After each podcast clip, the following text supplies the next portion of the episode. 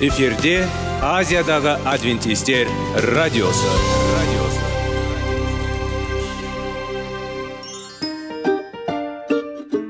Сәлем достар. Денсаулық өмір бұлағы және біздің бірінші байлығымыз демекші денсаулық сағаты рубрикасына қош келдіңіздер. Біздің рубрикада біз әртүрлі факторларменен мәліметтерменен кеңестерменен бөлісіп шын жүректен сіздердің дендеріңіз сау болғанын қалаймыз. Сол үшін біздің рубрикаға қош келдіңіздер. Дайындалып тұрыңыздар. Өйткені келесі минуттарда қызықты фактілерге ие боласыздар. Енді достар ең бірінші байлығымызды қолымызға алып алға кеттік.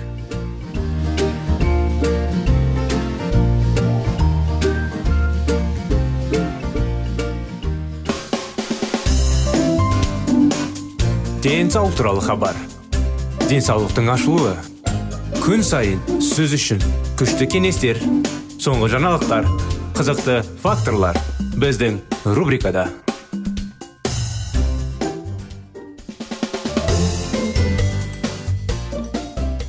сәлем достар. Қалайсыздар? Құрметті достар біздің денсаулық сағат бағдарламамызға қош келдіңіздер. Құрметті достар сіздермен бірге қазіргі уақытта салауатты өмір салты салауатты болу тақырыптарын әңгімелеп жүрміз. Темекі шекпеу жас өспірімдер темекі шегудің жақсы алдын алу.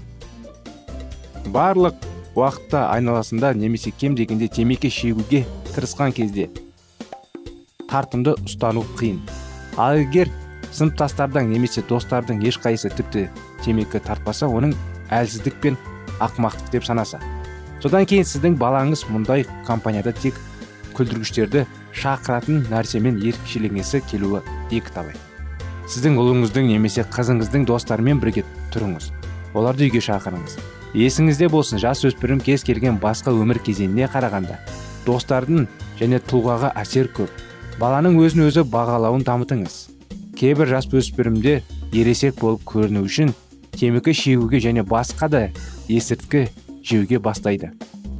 Немесе үлкендердің назарын аудару. Көптеген балалар өзін өзі бағалаудың төмендегенін қауіпті құмарлыққа барады. Мұндай жас өспірімдер олардың мінезін оң жақтарын мойындауы қажет етеді. Өкінішке орай көпшілігі тек ата аналар тартпаның сөйлесіп сын пікірлерін естиді. Сондықтан өзін нашар ұстаңыз. Олар мақұлдауға лайық олардың артықшылықтары мен қасиеттері туралы ойланыңыз. Ыңғайлы нүктені таңдап оларды мақтаңыз. Сіз оларды жақсы көретініңізді жасөспірімдегі айтыңыз.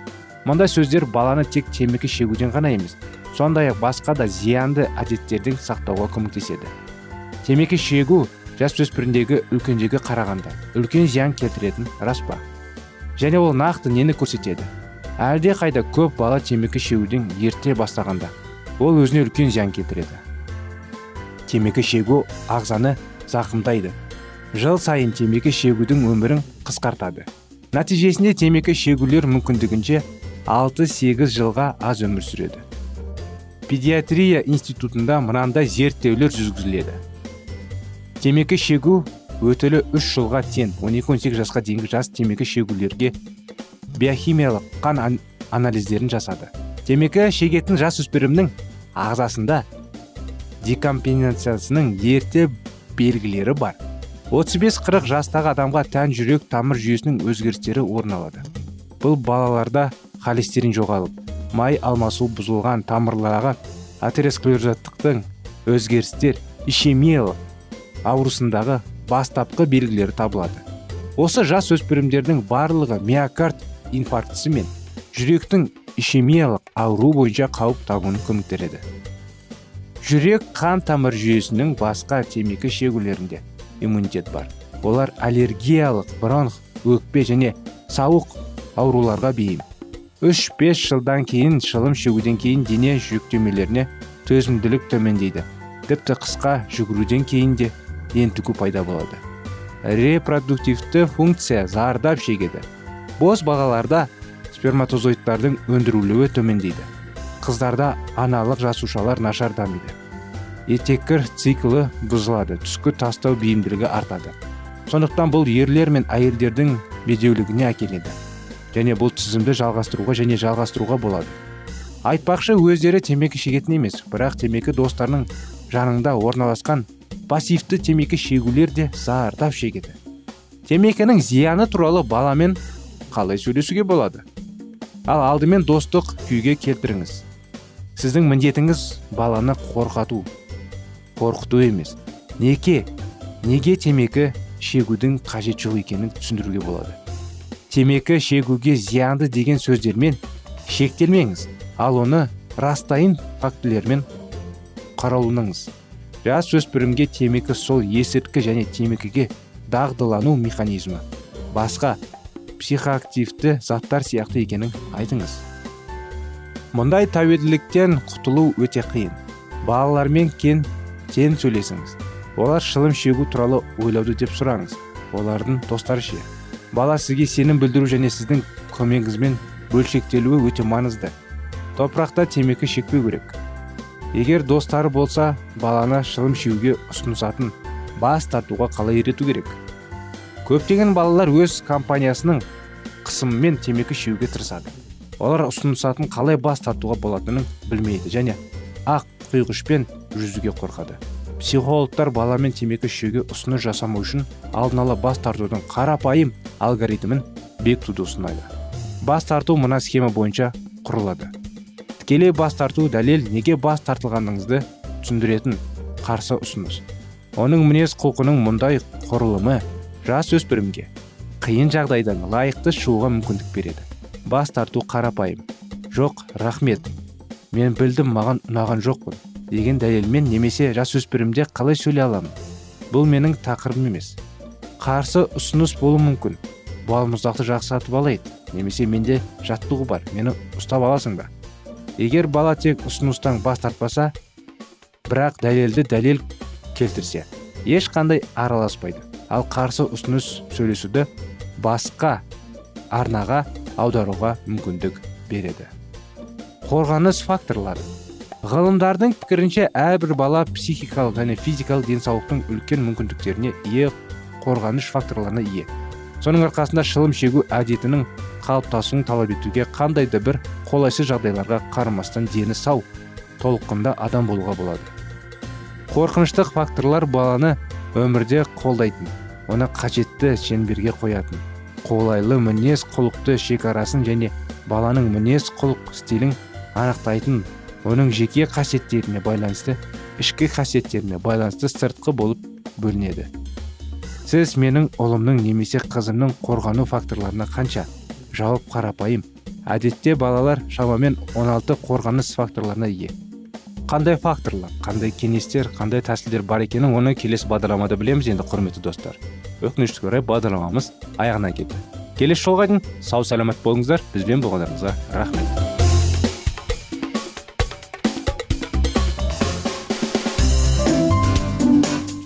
Денсаулық туралы хабар.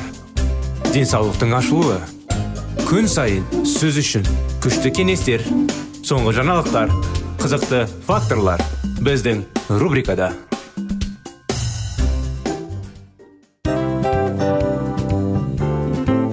Әуелі байлық денсаулық екінші байлық он саулық үшінші байлық ақ жаулық. Ал енді осындай радио парақшадан кейін не дейміз? Барлықтарыңызға денсаулықтарыңыз зор болсын деп тілейміз. Денсаулықтың өзгеруі кішкентай нәрселерден басталады. Осымен біз берген кеңестер мен мәліметтер шын жүректен сіздер үшін қандай да бір болсын жәрдем берді деп үміттенеміз. Тыңдаушыларымызбен келесі радио парақшасына дейін қоштассамыз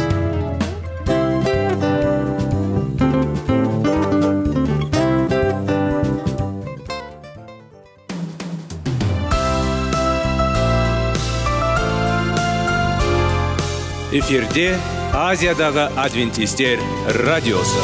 Радиосы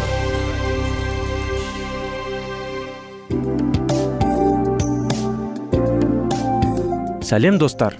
Барлықтарыңызға шын жүректен сөйлесейік рубрикасына қош келдіңіздер деп айтпақшымыз.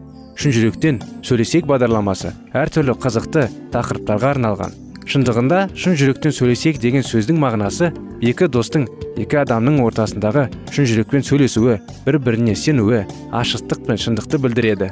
Сол үшін біздің бағдарламалар әртүрлі қызықты тақырыптарға арналған. Дайындалыңыз жаңа қызықты мәліметтерге ие болуға. Ондай болса кеттік.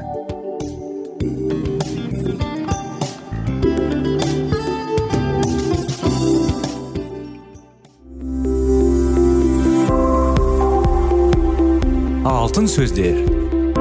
Сырласу қарым қатынас жайлы кеңестер мен қызықты тақырыптар. Шын жүректен сөйлесейік рубрикасында.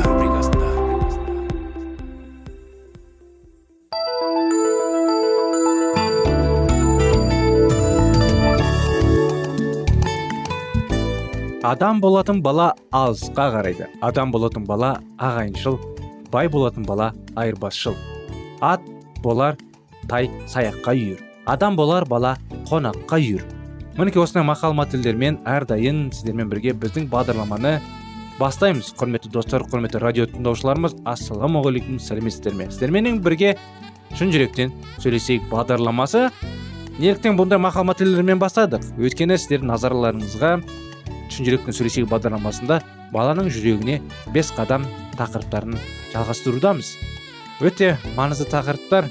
Баланың жүрегіне қадам тағу баланың тілін түсіну баланы жай қарай өсіріп өзің үшін емес баланың өзі үшін өсіру керек. Кейбір ата аналар баланы өзі үшін тәрбиелейді оны өсіріп ертең солар бақсын деп өздерінің қызығушылығымен бағады. Өздерінің айтқандарын істеткізіп бірақ баламен дос болып оны түсінетіндей бір бірімен керемет қарым қатынаста болып ертеңгісін расында бір бірімен көмектесіп бір бірінің тілін түсінетіндей жанұя өте аз. Сондықтан құрметті достар қонақжайлық басқалардың қамқорлығы сіз қонақтарды қабылдағанда айқын көрінеді. Қонақжайлылық тамаша сапа. Егер сізде бар болса сіз қазына иесі. Өйткені адамның шын мәнінде біліп досына ие боласыз. Егер сіздің үйіңіздің есігі әрқашан қонақжай ашылса балалар қуанышты жомарт және мейірімді болып өседі. Бүгінгі күнде адамдар достарын үйге сирек шақырады. Біз кафелерде мейрамханаларда клубтарда ұнатамыз. Біз кез келген жерде тек үйде емес алайда үй жайлы мен жайлылған еш нәрсе алмастырмайды. Онда адамдар толық ашылады және қарым қатынас мүлдем басқа деңгейде жүреді. Жетпісінші жылдары ә, чемпендер отбасының тұрақты қонақтары студенттер болды. Біздің үйдің есігі жабылмаған. Әдетте балалар бізге жұма күні кешке келді.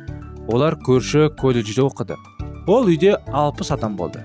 Біз кешкі сегізден онға дейінгі әңгімелестік келі кітаптан үзінділерді талқыладық адамгершілік және әлеуметтік мәселелер туралы әңгімеледік.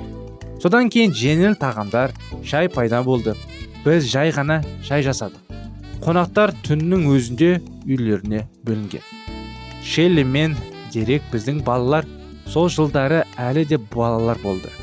Олар қонақтар арасында төбені жақсы көреді.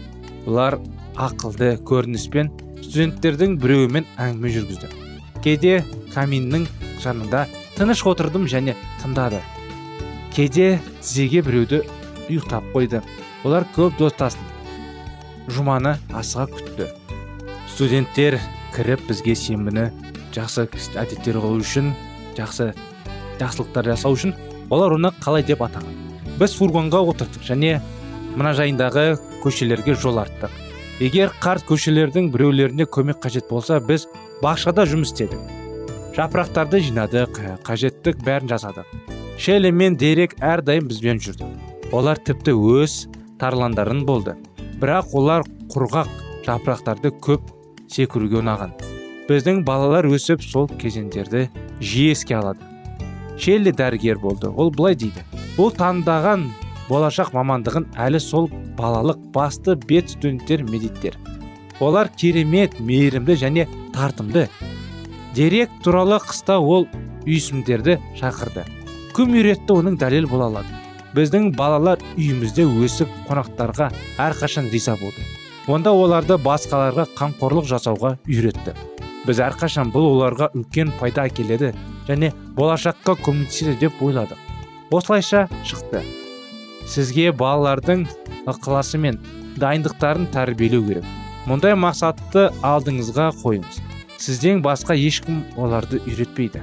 Тіпті балаларға кішігірім тапсырмалар беру керек. Олардың үй міндеттері болу керек. Балалар үлкен болған кезде олардың жауапкершілігі артады. Егер көмек бала үшін махаббат тілдердің білдірудің негізгі тәсілі егер бала көмек тілінде сөйлемесе де ата аналарға қамқорлық жасау қажет. Алайда егер көмек ол түсінетін тіл болса ол үшін сіздің қамқорлығыңыз шынайы махаббаттың көрінісі. Бала сізді велосипедті немесе қуыршақты тазалауды өтінген кезде ойыншықтың тағы бір тұтас болуын қаламайды. Оған сіздің махаббатыңыз қажет. Енді сіз джейк шын мәнінде әкесінің сұрады. Не екенін түсінесіз. Ата аналардың міндетті бұл өтініштерді есту және оларға жауап беру. Егер біз балаға көмектесеміз және оны қуанышпен істесек шын жүректен тырыссақ оның жаны жейіппен болған сияқты махаббатқа тол болады. Ата аналар өтінішті орындаудан бас тартса немесе орындамаса бірақ оны нашар жасаса ұрысса да тіпті баланы ұрса да көмек оны қуантады. Бірақ оған ондай жағдайға жетпеуіміз керек әрине. Бала соғу ол масқара нәрсе. Егер балаңыздың жүрегіне жол көмек болса бұл оның кез келген тілегі. Сіз үш санды дегенді білдірмейді. Оның өтініші орындағанда дейін өте мұқият болыңыз. Ойлап алыңыз әкеледі. Ол оған пайдасына алсыз. Өзінің қылықтарының оның ішінде сіз оны жақсы көресіз. Мүмкін бұл тек таңқарылу шашу және оны тартпау керек емес пе? Ол туралы бармаңыз.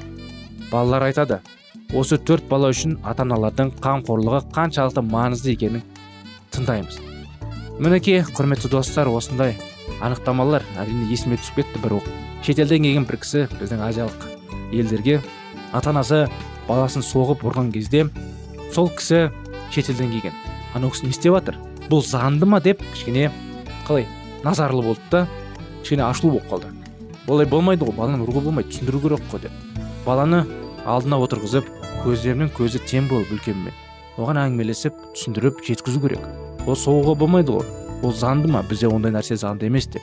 Мінекей осындай тәрбие оларды құрметті достар баланы соғуға болмайды. Сондықтан дұрыс ойланыңыздар балаларды дұрыс тәрбиелеңіздер. Осымен бағдарламамыз бүгінге аяғына келді. Сіздерді келесі бағдарламада күтеміз. Келесі жолға дейін сау болыңыздар.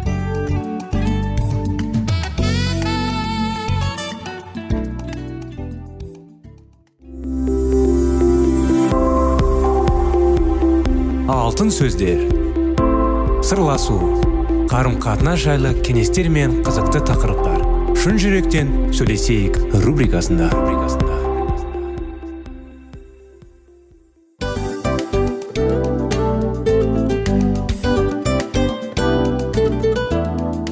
Құрметті достар барлық ең соңғы кеңестер аяқталған соң біздің программамыз соңына келіп қалды.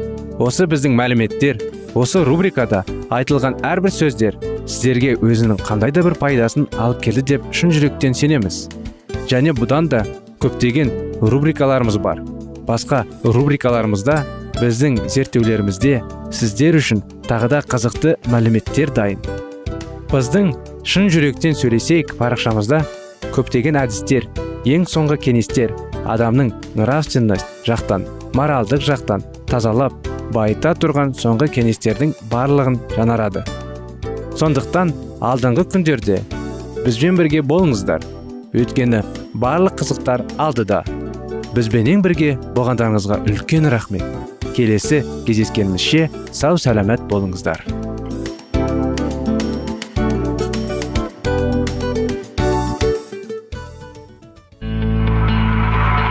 Дүниеңді байытқан жүрегіңді жаңғыртқан өмірдің мағынасын ойландырған рухани жаңғыру. Рубрикасы.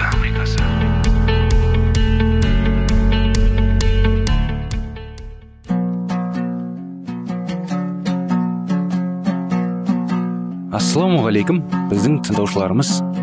Келі кітаптың шындығын ашып берген қысқа бағдарламасына қош келдіңіздер. Барлығынан жоғары жаратушы біздің қарыңғылықта жалғыз қалдырып қойған емес. Өйткені ол келешекте не болу керек екенін киелі кітаптың парақтарында ашып береді. Немесе келіңіздер бізге қосылыңыздар. Жаратушы бізге нен ашып бергенін зерттейміз.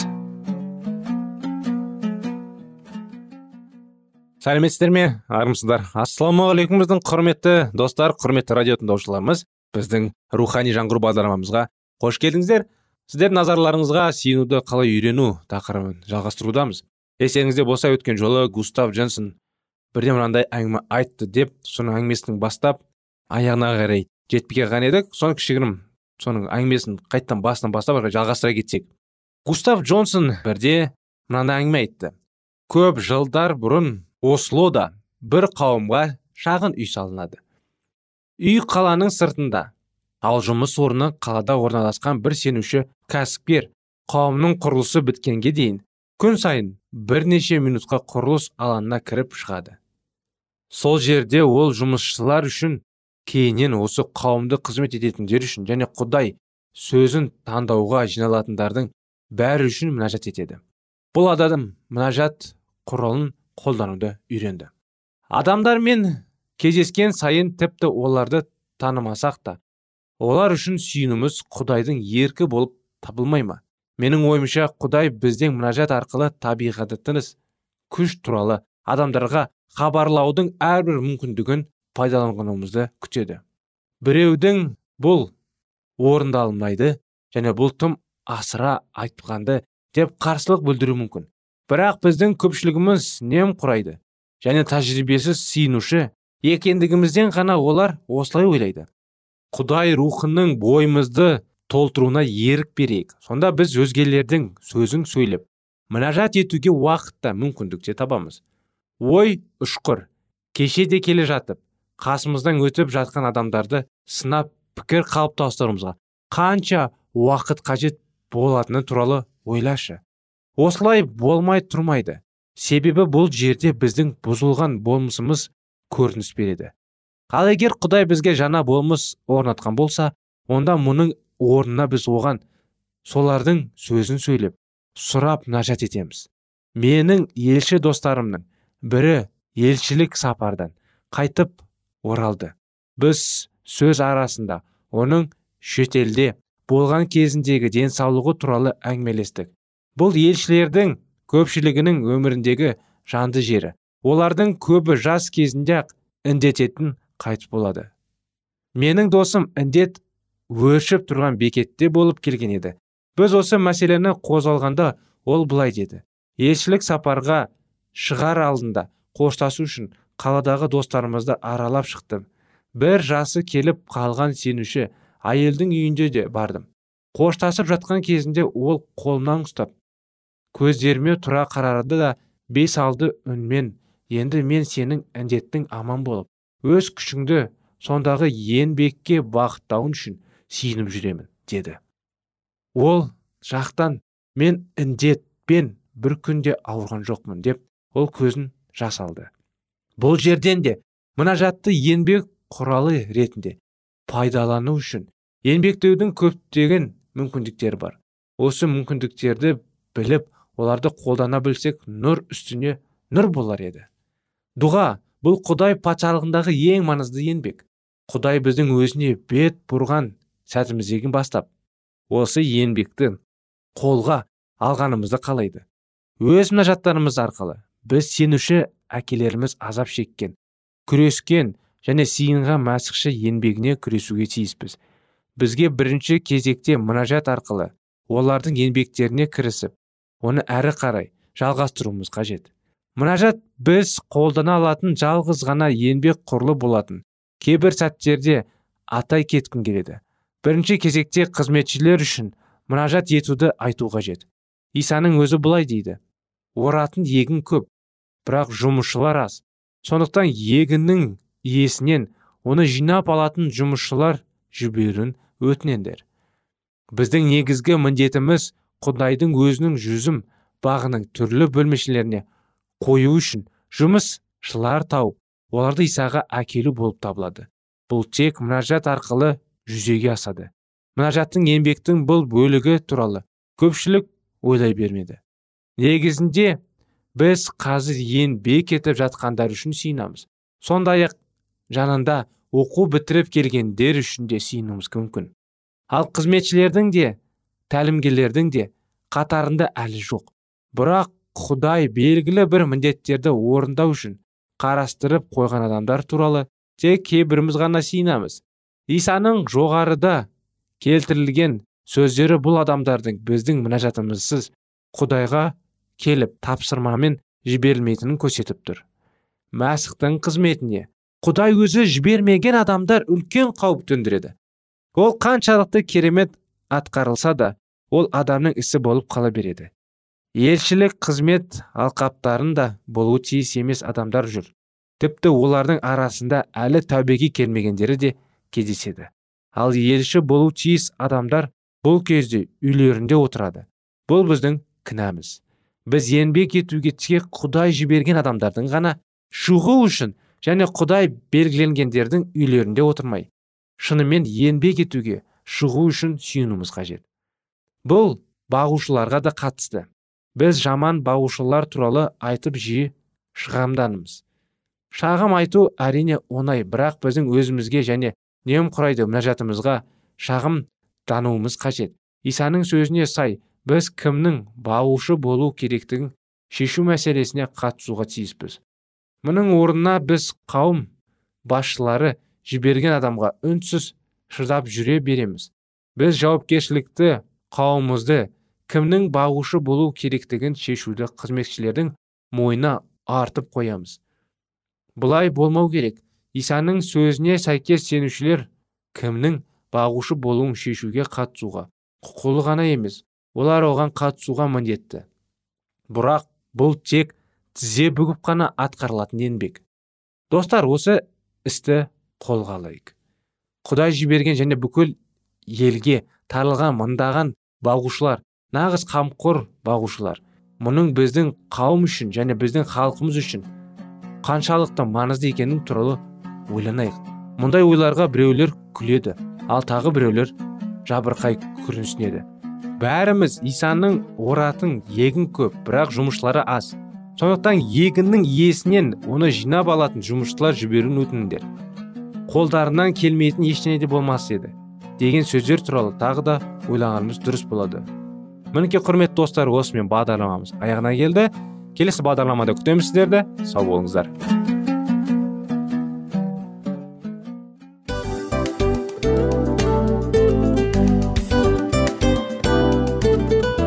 Осымен достар программамыздың зерттеуіміздің ең қайғылы минутына жеттік. Қайғылы дегенде бағдарламамыз тез арада өтті де кетті. Соған көңіліміз деп тұр. Жарайды қайғыны қояйық бүгінгі 24 сағаттың алтындай жарты сағатын бізге бөліп арнағаныңыз үшін рахмет. Егер де өткен сфераларда пайдалы кеңес алған болсаңыз біз өзіміздің мақсатымызға жеткеніміз.